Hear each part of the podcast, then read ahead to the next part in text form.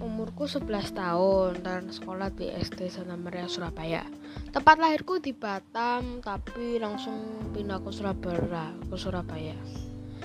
Yap, sesuai itu aku gak punya cita-cita. Kata orang, hidup tanpa cita-cita seperti berlayar dengan perahu tanpa tujuan. Pas dulu TK aja cita-cita tanya orang tua. Itu buat tugas ya Hobiku bermain game, nonton film, sepak bola.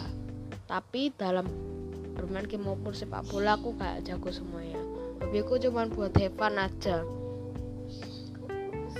Semoga sih ke depannya ketemu cita-cita tapi mungkin sekarang belum kesempatannya. Makasih yang udah lihat ini podcast yang sebentar ya. Semoga sehat selalu. Bye bye.